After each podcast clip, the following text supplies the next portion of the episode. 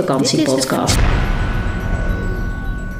40 dagen, 40 fietsideeën, 40 podcasts.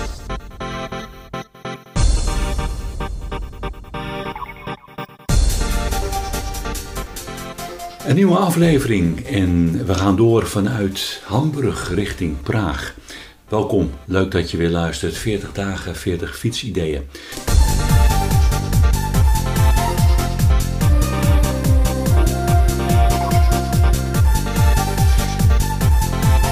Elberaadweek, dat is eigenlijk wat eh, in deze aflevering eh, centraal eh, staat voor dat gedeelte dat ik heb gefietst. Deze route heb ik als onderdeel van een rondrit gereden van Hamburg naar Praag en terug naar huis. In deze aflevering, deel 2, langs de Elbe naar Dresden en verder naar Moldau.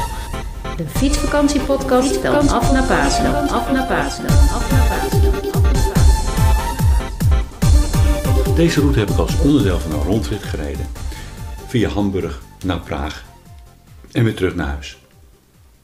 In deze aflevering deel 2 langs de Elbe naar Dresden en verder langs de Moldau, de Moldau volgend naar Praag.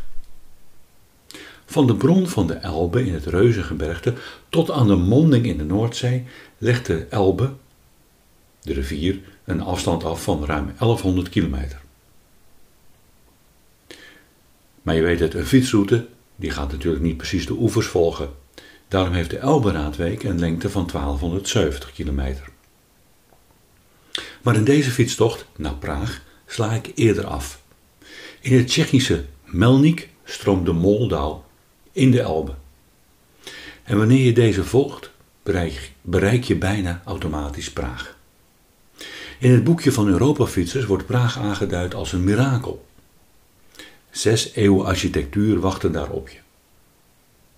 Met de vele torens, de burcht en de Kaalsbrug maakt deze stad tot een fascinerende eindbestemming of tussenstop. Tussenstop omdat ik vanuit Praag terug fiets naar de lage landen. De route bestaat uit drie gedeeltes, drie trajecten. Het eerste traject gaat van Hamburg naar Maagdenburg, ongeveer 370 kilometer. Het volgende traject is Maagdenburg-Dresden, 250 kilometer. En het laatste stuk Dresden-Praag, zo'n 220 kilometer. Maar we beginnen dus vanuit Hamburg, een wereldstad, vanuit het centrum. Er zijn natuurlijk weinig routes die vanuit het centrum van een wereldstad beginnen, maar hier heb je er één. Het eerste traject gaat van Hamburg naar Maagdenburg. Kenmerkend zijn de, ja, zeg maar de vele natuurgebieden. In Lauenburg begint bijvoorbeeld het UNESCO Biosfeerreservaat Vloeslandschaft Elbe. En dat landschaft strekt zich uit over een lengte van 400 kilometer en het wordt gekenmerkt door dunbevolkte gebieden en, en een indrukwekkende dierenwereld. Historisch gezien heeft de scheepvaart hier haar stempel altijd gedrukt op dit deel van de Elbe. Later kronkelt de Elbe door een streek waarin de rivier decennia lang niet alleen de grensrivier was tussen Duitse deelstaten, maar ook tussen Oost- en West-Duitsland. Veel weilanden en bossen. Een dun bevolkte streek. Na Tagermoende in het noorden van Saxen-Anhalt is het mogelijk om, deels over middeleeuwse handelsroutes, per fiets de sporen van de Hansen te volgen. Geen andere streek in Europa heeft zo'n hoge concentratie van Hansensteden en kan nog steeds trots zijn op tal van bouwwerken die herinneren aan de middeleeuwse samenwerking tussen deze steden. Verder naar Maagdenburg, ongerepte natuur, inclusief ooievaars en bevers. Traject 2 gaat naar Dresden. Onder andere over Dessau en Wittenberg. En dus maken we kennis met de plekken waar de reformatie plaatsvond. Moderne kunst bewonderen we en kunnen we genieten van een prachtig tuinlandschap. Dit alles is mogelijk op dit boeiende deel van, het, van de Elberaadwijk. De volgende 150 kilometer met kleine, kleine dorpjes met landbouw zien we naar Riesa, de eerste wijnbergen.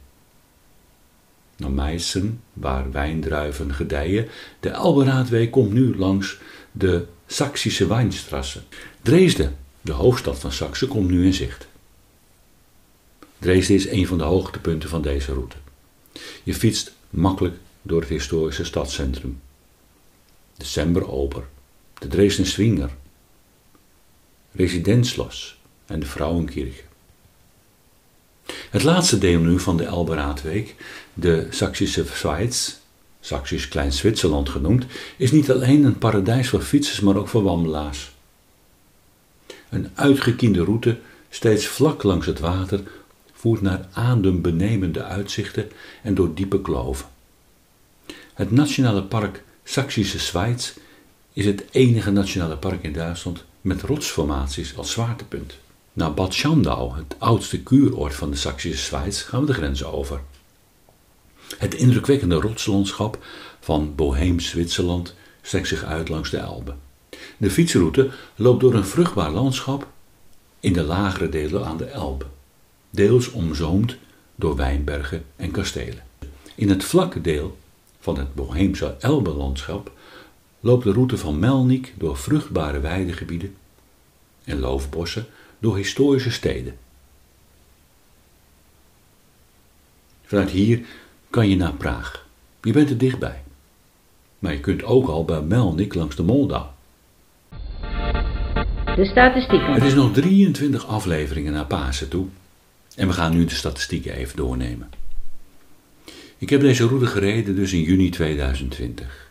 Het aantal kilometers is 946 tussen Hamburg en Praag. Het aantal hoogtemeters bijna 2800 meter.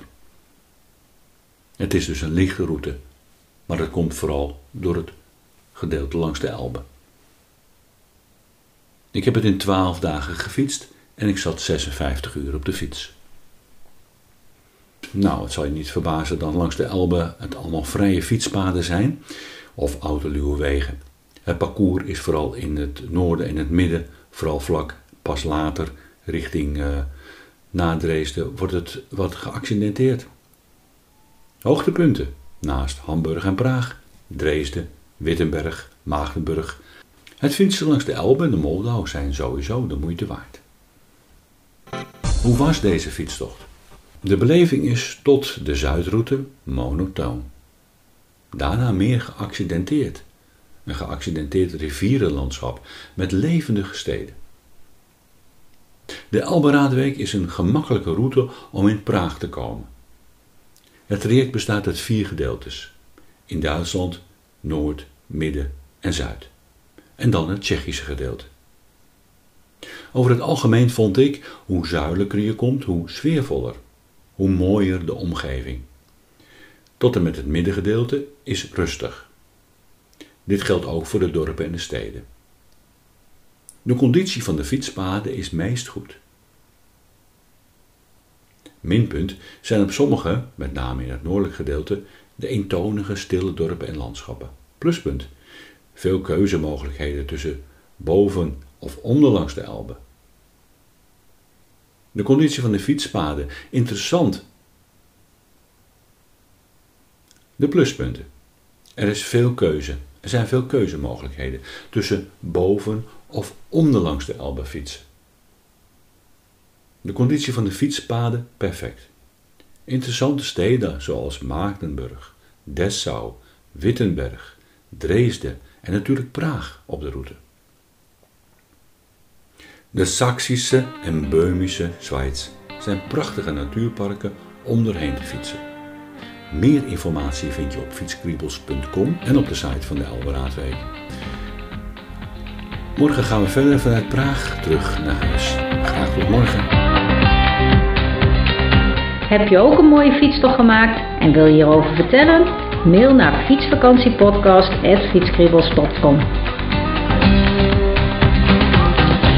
Tot morgen!